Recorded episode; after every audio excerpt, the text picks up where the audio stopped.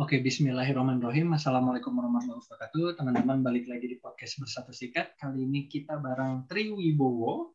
Nah, sempat kita kemarin udah ada beberapa teman yang kerja di tambang gitu ya. Dan kali ini juga kita datangan lagi nih kawan hebat dari industri tambang. Namun bidangnya mungkin berbeda ya, karena tambang sangat luas, juga job pasti akan beda-beda. Nah, nanti pekerjaannya ngapain, aktivitasnya juga ngapain, kita akan ngobrol banyak hal bareng Bowo. Nah, sebelum itu silakan Bowo kenalan dulu nih. Kenalan siapa nama dan juga aktivitasnya saat Siap. Siap, baik, baik. Uh, nama Triwibowo ya ini terima kasih Mas Puji sudah uh, bersedia. Sebenarnya apa banyak teman-teman yang uh, punya profil lebih baik tapi kita sebenarnya sharing experience ya jadi saya juga uh, merasa apa di pride banget nih bangga kali ini Mas Puji sudah menghubungi menghubungi saya untuk uh, berbagi dengan teman-teman. Jadi saya pribadi sebenarnya uh, profilnya nggak terlalu gimana ya soalnya kan kita jadi dari orang kampung nih gitu saya asalnya dari Sintang Kalimantan Barat mungkin kalau teman-teman sebagian banyak yang belum paham tuh Cuman sekarang eh, aktivitasnya domisilinya berkeluarga sudah di Pontianak, Kalimantan Barat. Ya eh, sedikit banyak kuliah S1 dan S2 saya saya eh, lulus di Universitas Tanjung Pura Pontianak di jurusan eh, kebijakan publik S1-nya dan S2-nya eh, linear ya di kebijakan publik juga. Istri satu, Mas Puji, dan anak, Alhamdulillah sudah dikaruniai dua orang anak nih uh, yang pertama perempuan, yang kedua uh, cowok ya. Jadi udah sepasang alhamdulillah. Nah, saat ini memang uh, saya bekerja di salah satu perusahaan pertambangan mining di perusahaan bauxit sebagai supervisor license and permit ya. Kurang lebih seperti itu profil singkat saya nih Mas Puji. I see. Nah, sebelum itu tuh mundur lu dong. Uh, Siap. Kuliah gitu, kuliah milihnya apa, terus kenapa milih itu. Jadi waktu sekolah nih sebenarnya mimpinya emang kerja di tambang atau gimana nih? Gitu? Sebenarnya kalau misalnya kita uh, passion nih, passion banget ditanya nih, passion saya itu sebenarnya apa? Saya passionnya musik sebenarnya mas. passionnya sebenarnya musik. Uh, dari SMA main musik dan berharap ya suatu saat jadi musisi kan seperti itu. Dulu sebenarnya pas kuliah pun uh, milih jurusan. Biasanya kalau kita kuliah milih jurusan ya mas ya. Merasa terjebak juga kan kita nggak tahu. Uh, ini ini benar-benar jurusan yang benar-benar kita mau atau enggak ya? Saya tuh saya bisa mas teman-teman seperti itu. Akhirnya jurusan saya ambil itu kan FISIP di Fakultas Ilmu Sosial dan Politik Kebijakan Publik. Dan kita pun nggak tahu tuh jurusan administrasi negara tuh eh, dulu tuh bahas masalah apa gitu. Tapi setelah di dalamnya ya rupanya asik belajar terkait dengan kebijakan publik ya kan? Politik dan sebenarnya malahan lebih apa kemampuan saya malah lebih tereksplor di di jurusan tersebut gitu. Walaupun oh, walaupun sebenarnya malahan musiknya udah udah saya udah saya tinggalin gitu kan. Jadi eh, kadang-kadang benar kata orang apa yang kita mau itu belum tentu yang terbaik untuk kita kan gitu mas Mas Budi. Alhamdulillah ketika saya masuk di visit bisa kuliah cepat juga tuh gitu kan tiga tahun 8 bulan 10 hari waktu itu kuliah S1-nya dan uh, termasuk lulusan lulusan yang termuda dan bisa langsung melanjut uh, ini lanjut ke pe pekerjaan profesional kita gitu kan. Nah dari situ saya belajar banyak ya. Saya punya uh, saya mau sharing hal unik nih Mas Puji terkait dengan sebenarnya dari awal saya kuliah sampai dengan saat ini saya itu nggak pernah nganggur satu hari pun gitu loh. Jadi karena memang semuanya uh, berdasarkan daripada apa tadi pengalaman-pengalaman dari kampus, relasi ya. Habis itu ketika saya memutuskan untuk sudah nih bekerja sebagai karya. Sebenarnya sebelumnya saya bukan bukan belum bu, belum bekerja di perusahaan tambang nih Mas Puji. Sebenarnya saya lahir di dunia perkebunan nih. Lulus di tahun 2012, 2013 langsung saya kerja itu di perkebunan kelapa sawit. Ya. Kita tahu kalau misalnya di Kalimantan ini perkebunan kelapa sawit dan tambang kan yang industri yang besar ya Mas Puji ya. Jadi sebenarnya saya sudah uh, tahun 2013 itu startnya karirnya itu di perkebunan kelapa sawit sebenarnya. Nah sampai sekarang ini sudah keluar masuk perusahaan ya sudah lima perusahaan bergabung di lima perusahaan yang berbeda. Ya sekarang bergabung di perusahaan tambang seperti itu deh kurang lebih. I see. Nah, terus akhirnya gimana nih? Berarti udah berapa tahun? Terus perjalanan di karirnya gimana nih, Trini uh, selama berkarir? Jadi Mas, uh, kalau uh, kalau dunia swasta ini kan banyak banyak benak banyak banyak tantangannya ya Mas ya naik turun naik turun. Jadi saya saat ini sudah gabung di lima perusahaan yang berbeda, empat perusahaan industri kelapa sawit dan sekarang saya bergabung di perusahaan mining. Uh, sebenarnya saya lebih matang di dunia perkebunan kelapa sawit. Nah kalau misalnya kita uh, lihat ke belakang lagi, sebenarnya jurusan saya kan saya sarjana sosial, nggak masuk sebenarnya mas untuk masuk di dunia perkebunan kelapa sawit ataupun di perusahaan apa perusahaan tambang karena ya sarjana sosial secara gitu ya seharusnya kan orang-orang yang menduduki Eh, perusahaan-perusahaan tersebut kan ada yang dari pertanian, kehutanan atau dari teknik pertambangan, teknik sipil dan lain-lain. Tapi di sana ya ada peluang peluang terkait dengan uh, jabatan saya itu pertama adalah asisten uh, kemitraan. Asisten kemitraan itu membina masyarakat petani petani kelapa sawit lokal ya. Jadi kita juga seperti community development lah bahasanya seperti itu. Seperti community development dan saya yang pasti di sana lumayan oh ini dunia sosial kok rupanya. Jadi sedikit sekali membahas teknik teknik apa teknis kelapa sawit dan segala macam.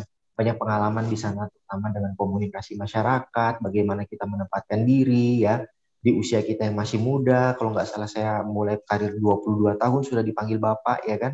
Di sana kita harus apa eh, meningkatkan kepercayaan diri kita tuh mewakili perusahaan, terus kita juga harus menyampaikan bahwa visi perusahaan seperti ini, seperti ini kepada masyarakat, masyarakat yang luar biasa majemuk dengan berbagai suku. Di sini ada masyarakat yang bersuku Melayu, Dayak dan segala macam. Jadi itu apa ya pengalaman dan tantangan sendirilah untuk saya. Sampai uh, kalau menurut saya yang paling unik nih dari CV saya itu, Mas Puji adalah saya itu sudah bergabung di lima perusahaan yang berbeda. Di lima perusahaan yang berbeda ini juga uh, semuanya bukan berarti saya tidak betah terhadap satu perusahaan tidak tapi memang uh, pada intinya ketika kita mengatakan desain ya semuanya itu sudah punya eh, orang-orang itu kita uh, masing-masing sudah punya prinsip masing-masing lah. Saya pribadi uh, memilih dengan CV yang begitu banyak perusahaan bukan berarti saya juga minder nih dengan dengan HRD di sisi lain saya juga semakin banyak experience yang saya punya kan seperti itu. Ya dari saya mulai karir seperti itu di empat perusahaan itu semuanya eh, kebun kelapa sawit dan sekarang saya dipercaya juga ya eh, untuk memegang license and permit kurang lebih untuk mengurus perizinan ya sebelumnya juga saya juga di kelapa sawit sisi lain adalah mengurus kehumasan ya corporate social responsibility dan bagaimana perusahaan sawit bisa sustain ya dengan dengan uh, adanya hubungan yang baik lah antara stakeholder dengan dengan perusahaan. Itu sih kurang lebih Mas Puji. I see. Nah, uh, kalau kita ngomongin tambang nih, kan juga banyak posisi-posisinya gitu. Terus uh, apa sih yang apa namanya yang jadi incerannya dari Bowo gitu? Oh, saya sebenarnya pengen di bidang ini nih gitu. Ada nggak sih hal-hal yang kayak gitu ya gitu? Mm, sesuai dengan kalau betul-betul kalau misalnya di dunia tambang itu pastinya eh, kalau di, di semua perusahaan ya posisi strategis itu adalah posisi manajer, general manager dan lain-lain ya Mas ya. Tapi kan kita kita melihat basic kita nih kita bukan kita bukan apa eh, sarjana tambang, terus kita juga bukan orang operation, kita kan bagian dari departemen support nih kalau misalnya dalam satu perusahaan. Kita apalagi saya departemen license kan yang mengurus perizinan itu adalah yang mensupport kegiatan operasional. Artinya dalam posisi karir pasti kita ingin karir yang lebih baik. Tapi kalau saya saat ini nothing tulus deh. Nothing tulus itu yang penting ya kita saya kedepankan kejujuran, etos kerja, ya itu itu yang menjadi modal modal saya bisa diterima di berbagai perusahaan ya. Saya tidak punya record yang yang buruk gitu kan. Jadi kalau misalnya ambisi kita pasti ingin dalam level manager, tapi untuk saat ini level supervisor ya, supervisor itu eh, bagaimana kita sudah memiliki tanggung jawab yang lebih lah terhadap satu satu satu lingkup kerja. Ya intinya harapan, ambisi pasti ada, tapi semuanya akan berjalan normal deh sesuai dengan apa sesuai dengan etos dan prestasi kerja kita mas. Kurang seperti itu mas. I see nah tapi kalau pengkhususannya jadi ya kalau tadi mungkin udah sedikit diceritain tapi kalau si license ini berarti apa sih cakupannya seluas apa berarti kalau keilmuan ini berarti harus ada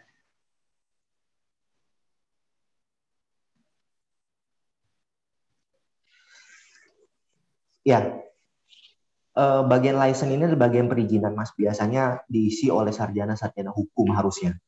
Ya, tapi uh, pada intinya role industri itu tidak mungkin terjadi tanpa adanya approval, ya approval daripada pemerintah. Yang pertama itu paling paling urgen adalah bagaimana kita mendapatkan izin usaha. Kalau dalam perkebunan kelapa sawit ada izin usaha perkebunan, kalau dalam pertambangan itu adalah izin usaha pertambangan atau IUP.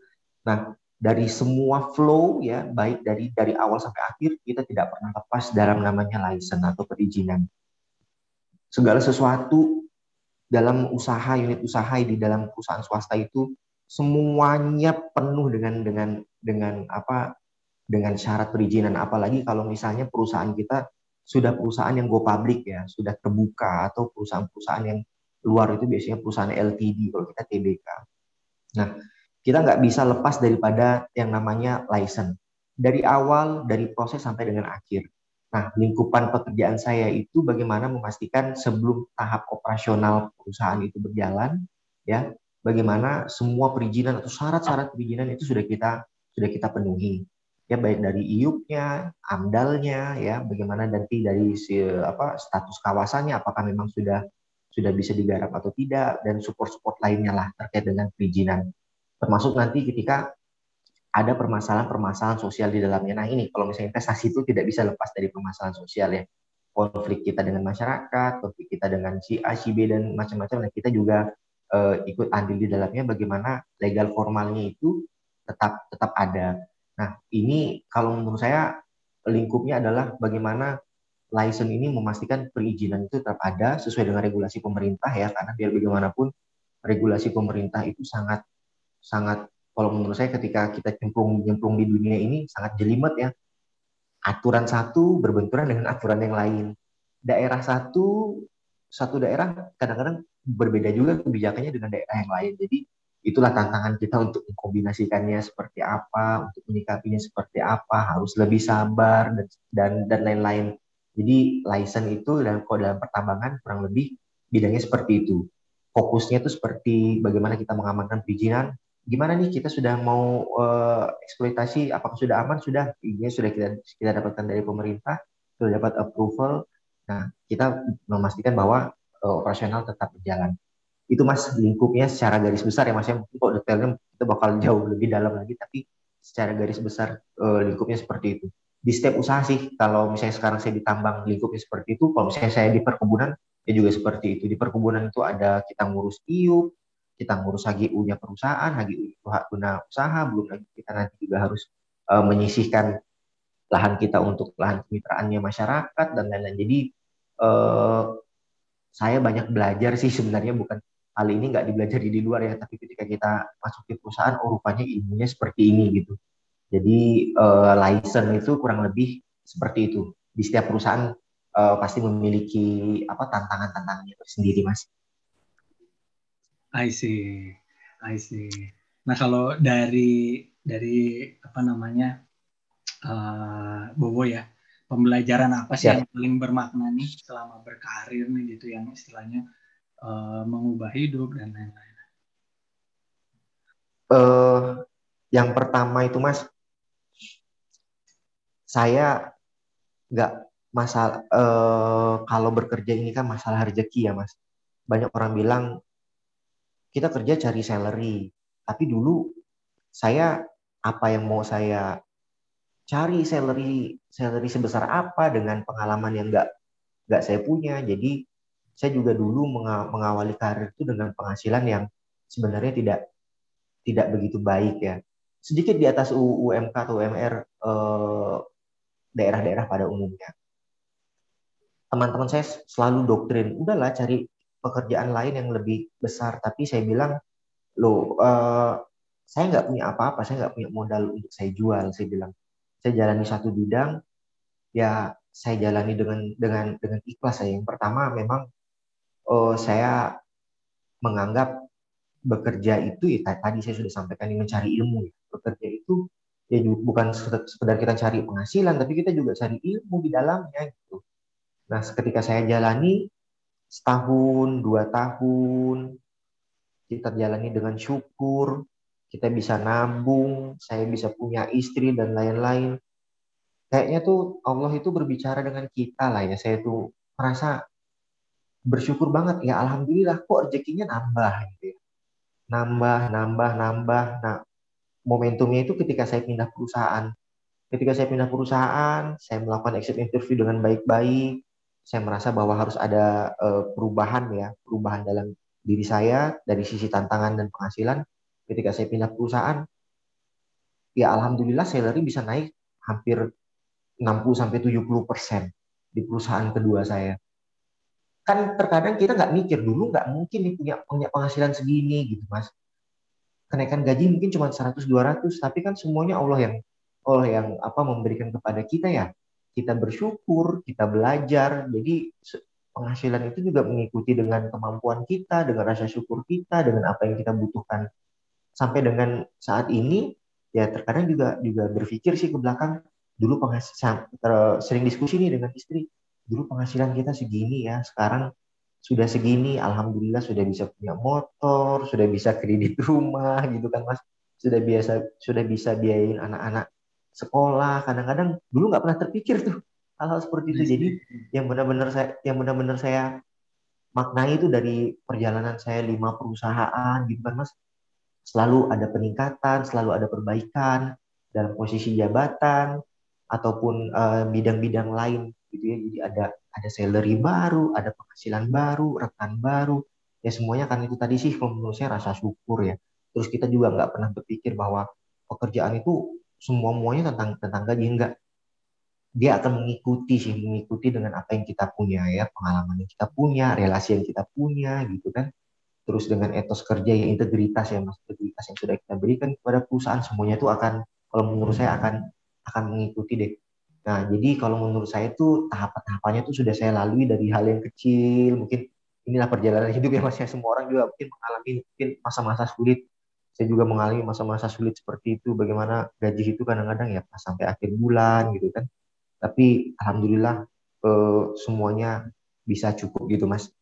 Kalau menurut saya itu pengalaman yang luar biasa lah dan mungkin nanti ke depan juga akan ada tantangan-tantangan yang bisa jadi lebih lebih berat ya daripada posisi saat ini tapi saya yakin itu akan jadi lebih baik kalau kita nyikapinya dengan dengan positif tuh mas. I see. Nah kalau dari kita ngomongin wejangan ya pernah nggak sih Bobo dapat wejangan dari seseorang yang memang benar-benar akhirnya juga itu tadi pembelajaran terus sekarang ada wejangan yang mengubah hidupnya. Ada sih. Jadi uh, dulu ketika mau masuk perusahaan kita selalu diberikan training atau motivasi ya dari leader-leader kita, manajemen yang sudah jadi manajer dan segala macam. Dia mengatakan uh, ketika sudah ngasih materi teoritis dan segala macam, kita yang kita tunggu itu sebenarnya memang apa wejangan itu mas wejangan itu kan benar-benar harusnya jadi titik lompat kita kan ini kita jadi pegangan banget nih gitu kan jadi uh, leader saya itu mengatakan bahwa kita sekarang harus merubah uh, beberapa beberapa quote yang biasanya dilemparkan ke masyarakat. Ada istilah experience is the best teacher, bahasanya seperti itu.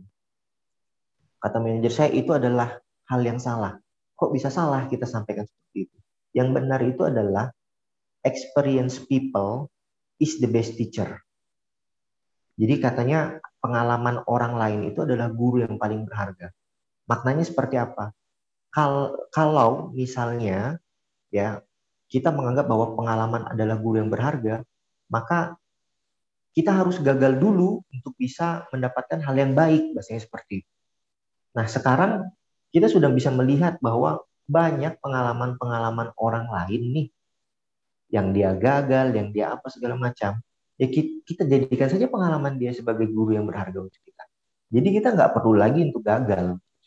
Kalau misalnya dia punya kiat suksesnya seperti ini, seperti ini, bahwa kerja itu harus jujur dan segala macam, artinya kita harus ikuti saja itu. Gitu.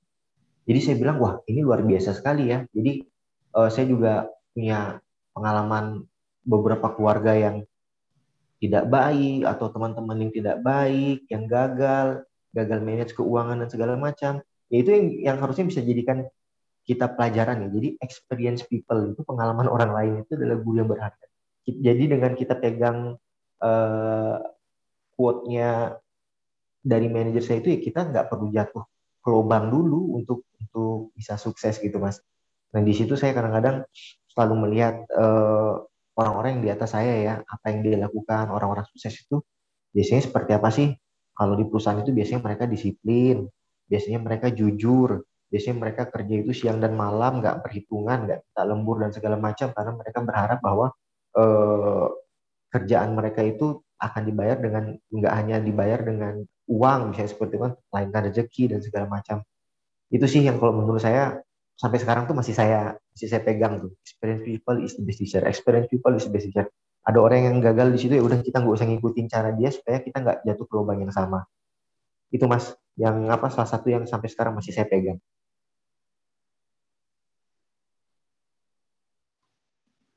I see.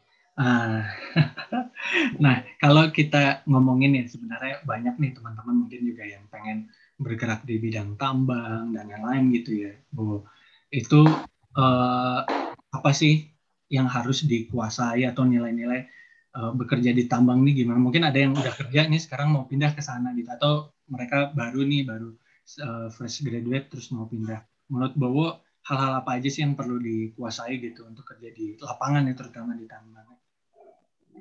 Ya, yang pertama itu uh, pure semuanya terkait dengan permasalahan komunikasi ya Mas ya. Kita harus satu kalau misalnya fresh graduate seperti saya bilang apa sih yang bisa kamu jual? Kan nggak ada. Saya bilang saya juga dulu fresh graduate gitu loh. Saya juga dulu fresh graduate nggak ada yang bisa saya jual. Tapi modal saya yang paling utama itu adalah satu etika dan bagaimana kita memiliki kemampuan komunikasi yang baik. Karena itu adalah modal ya kalau menurut saya itu adalah modal yang luar biasa lah kita ketika masuk dalam suatu gerbang sekarang banyak orang bilang di era pandemi oh, susah cari kerja dan segala macam. Kalau menurut saya, kalau misalnya kita punya jaringan yang bagus, sekarang kan banyak sosial media, ya, terutama di LinkedIn dan segala macam itu lowongan nggak berhenti berhenti sebenarnya.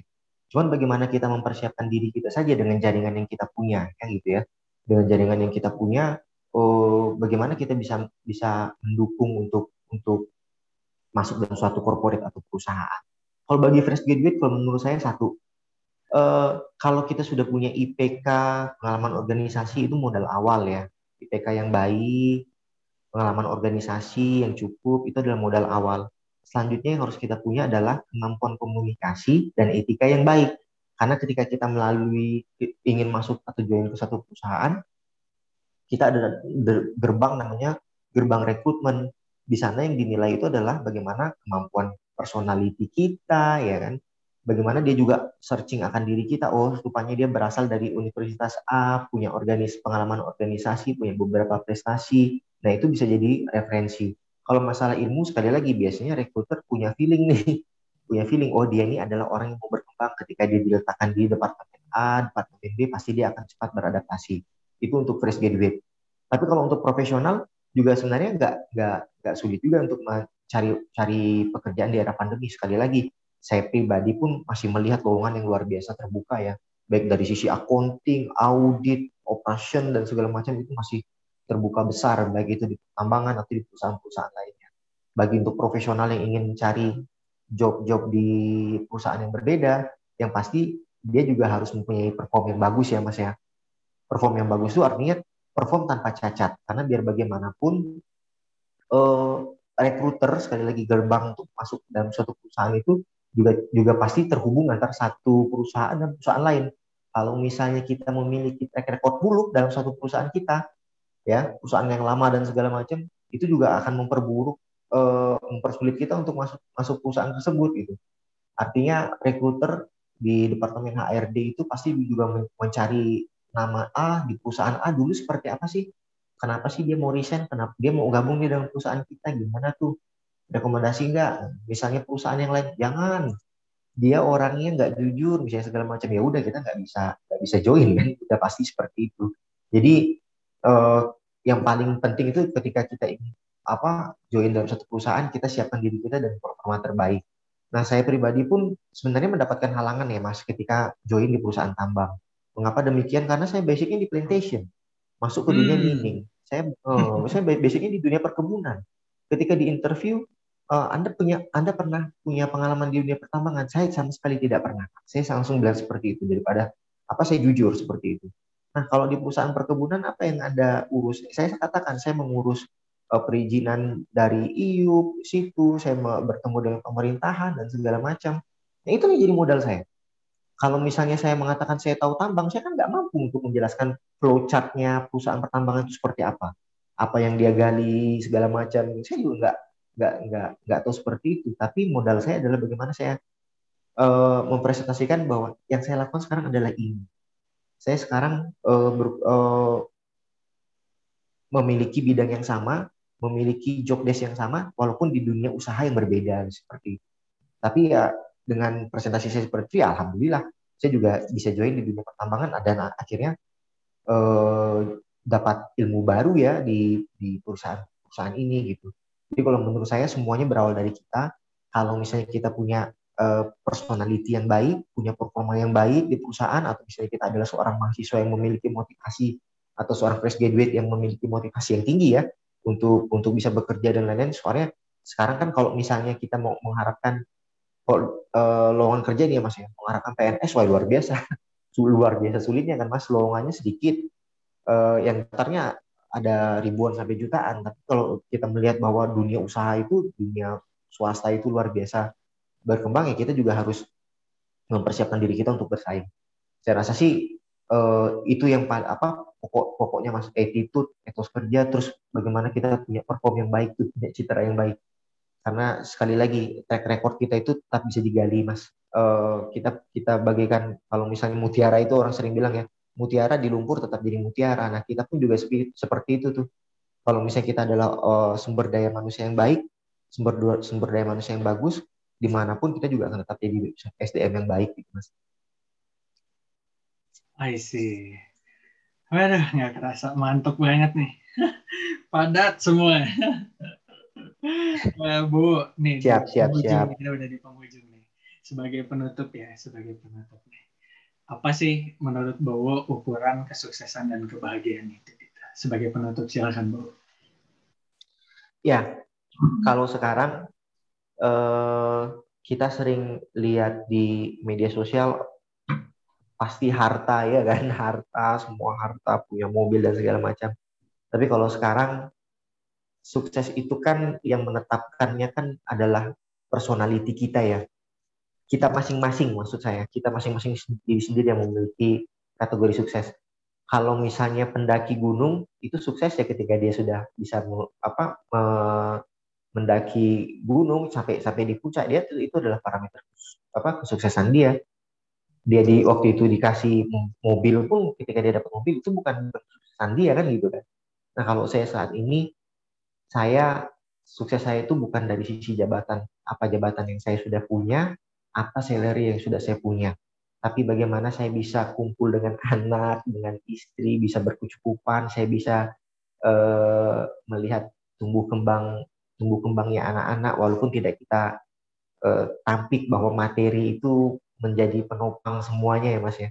Tapi saya sekarang bisa bisa mendapatkan nikmat nikmat yang luar biasa itu ketika ya bisa berguna untuk mereka lah, berguna untuk istri, berguna untuk anak, berguna untuk keluarga, saudara-saudara saya. Jadi apa yang kita miliki sekarang itu bisa kita share yang berkecukupan itu menurut saya sudah sudah hal yang luar biasa. Tapi uh, sekali lagi mungkin parameter suksesnya orang-orang kan berbeda-beda. Bagi penulis dia mungkin parameter suksesnya adalah menerbitkan buku dan bukunya bisa diterima halayak banyak bagi bagi saya pribadi ya saya sudah berkarir. Saat ini saya mau coba fokus dengan karir saya. Jika jika Allah memberikan yang terbaik di posisi yang lain saya akan terbuka untuk itu kita jalani.